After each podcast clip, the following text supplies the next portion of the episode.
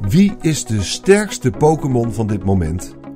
Dankzij deze data-analyse hoef je ze niet allemaal te vangen. Geschreven door Jerry Vermanen voor Laatscherm.nl. Ingesproken door Arjan Lindeboom. Zeven generaties en maar liefst 809 verschillende Pokémon. Het is al lang niet meer aan mij besteed om ze allemaal te vangen. Mijn laatste poging was Pokémon Pearl, waar ik zelfs nog EV training guides voor heb geschreven, maar al snel merkte ik dat ik te weinig kennis had van de sterkte van alle beestjes. Tot nu toe. Dankzij dataonderzoek heb ik de sterkste en zwakste Pokémon gevonden. Met de première van de film Detective Pikachu in het vooruitzicht dacht ik: is die gele elektrische cavia eigenlijk wel de beste Pokémon? Laat staan de beste detective. Dat laatste heb ik niet onderzocht. Ik kan alvast verklappen dat Pikachu nooit een van de sterkste Pokémon is geweest. En op dit moment is ruim 68% van alle andere Pokémon beter dan Ashen Maatje. Ik leg uit hoe ik daarachter ben gekomen. Let op, de genoemde grafieken kun je bekijken bij dit verhaal op laatscherm.nl.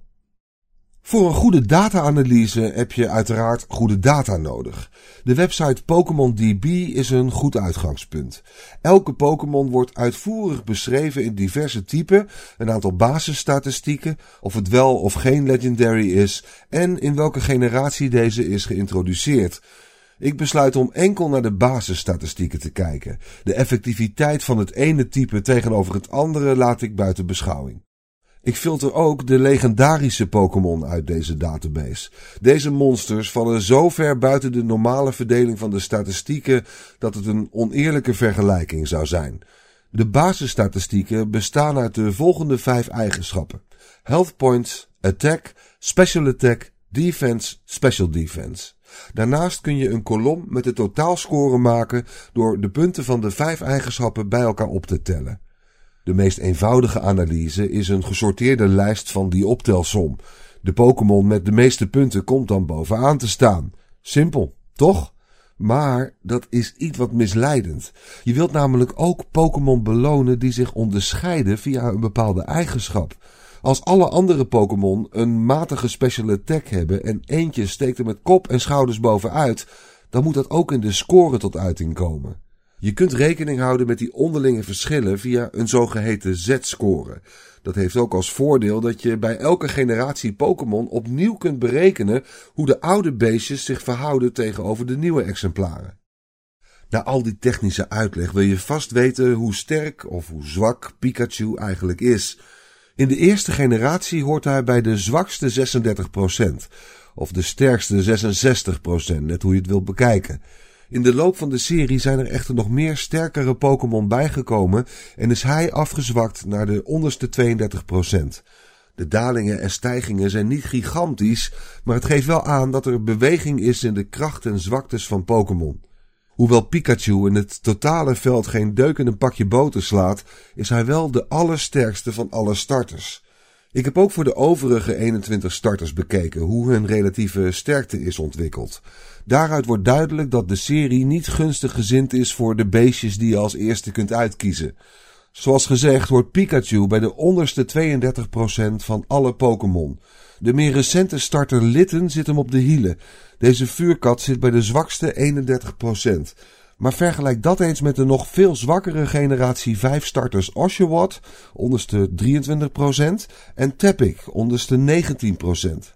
Dr. Oak weet donders goed wat hij weggeeft. Een paar zwakke en gemankeerde beesten die er wel ontzettend lief uitzien. Wat me vrij snel opvalt is het effect van gameplay balancing. Stel dat je na drie generaties een vierde Pokémon game koopt. Dan wil je voldoende keuze hebben uit nieuwe, sterkere Pokémon. Maar je wil ook niet dat je oude collectie volledig wordt overschaduwd door nieuwe namen. Voor een extra inzicht heb ik een grafiek gemaakt van alle stijgers in het blauw en dalers in het rood per generatie. Hierin zie je dat het grootste deel van alle Pokémon daalt in rangorde zodra een nieuwe generatie wordt geïntroduceerd. Enkel de krachtpatsers kunnen nog opboksen tegen de nieuwe Pokémon. En die verdeling lijkt zelfs eerlijk te zijn als je de Pokémon uitsplitst naar hun primaire type. Evenveel stijgers als dalers per type per generatie. De precisie waarmee nieuwe Pokémon worden geïntroduceerd binnen de serie is prachtig. Na dit hele verhaal wil ik jullie niet laten zitten met die ene brandende vraag. Wie is de allersterkste Pokémon? Afgezonderd van de legendarische exemplaren is Wishy-Washy in de schoolvorm de sterkste van allemaal. In verschillende analyses wordt hij ook wel een pseudo-legendary genoemd vanwege zijn uitzonderlijke statistieken. Op respectabele afstand volgen Genesect en Komao. En wie moet je echt niet kiezen? Als ik jou was, zou ik ver weg blijven van Igglybuff, de allerzwakste Pokémon van allemaal. Sinds generatie 2 staat Igglybuff onderaan het lijstje. Hij is zelfs nog zwakker dan Happiny uit generatie 4 en de solo-vorm van Wishy-Washy. Dit zijn dus de sterkste en zwakste Pokémon tot nu toe. Het idee dat Ash Ketchum een van de sterkste Pokémon als beste maatje heeft, is totale onzin. Ik hoop voor Pikachu dat zijn detectivevaardigheden beter zijn dan zijn basisstatistieken. Dankjewel voor het luisteren naar deze aflevering van Laatscherm voorgelezen. Als je waardeert wat we hier doen, dan zouden we het leuk vinden als je iemand anders vertelt over laatscherm.nl of een van onze verhalen deelt op social media. Laatscherm is ook te vinden via Spotify.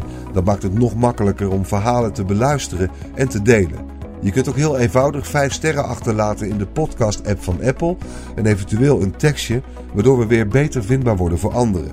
En ga voor meer verhalen, geschreven of gesproken, naar laatscherm.nl.